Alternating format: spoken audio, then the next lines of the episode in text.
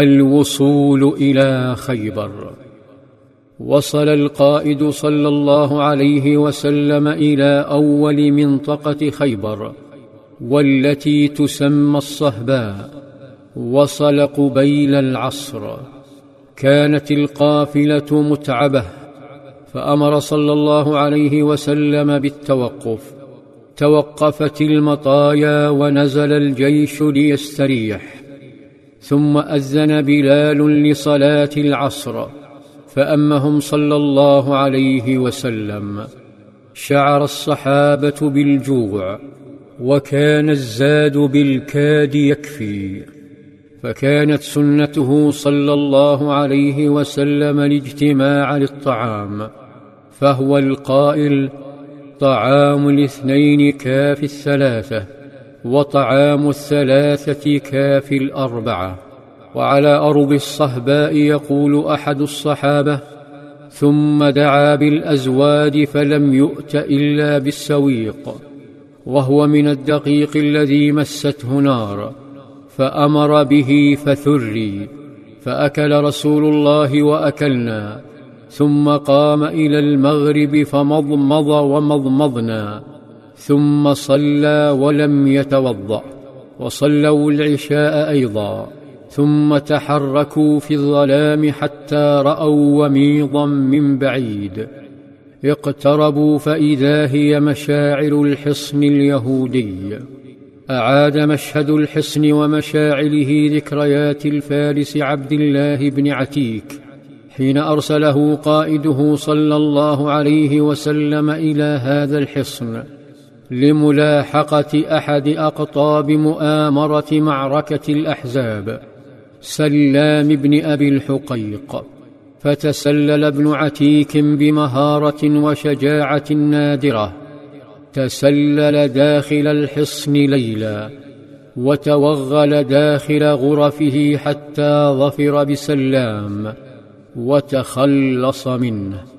واليوم يعود مع نبيه صلى الله عليه وسلم ومع جيش هم خيار أهل الأرض. وأمام الحصن بمسافة أمر النبي صلى الله عليه وسلم بالتوقف. ويفسر أنس بن مالك سبب التوقف بقوله خرجنا إلى خيبر فانتهينا إليهم ليلا. فلما أصبح صلى الله عليه وسلم ولم يسمع اذانا ركب وركبت خلف أبي طلحة وإن قدمي لتمس قدم النبي صلى الله عليه وسلم. طلع الصبح ففتح باب حصن خيبر فخرج المزارعون اليهود وعبيدهم خرجوا بمكاتلهم ومساحيهم على أعناقهم نحو مزارعهم وفجأة رأوا الجيش مقبلا نحوهم فبدأوا يصرخون محمد والله محمد والخميس ويعنون بالخميس الجيش. استداروا مباشرة نحو حصنهم واشتدوا يركضون. يتزاحمون للدخول والنجاة. فلما رأى القائد صلى الله عليه وسلم هروبهم رفع يديه وقال الله أكبر الله أكبر خربت خيبر. إنا إذا نزلنا بساحة قوم فساء صباح المنذرين.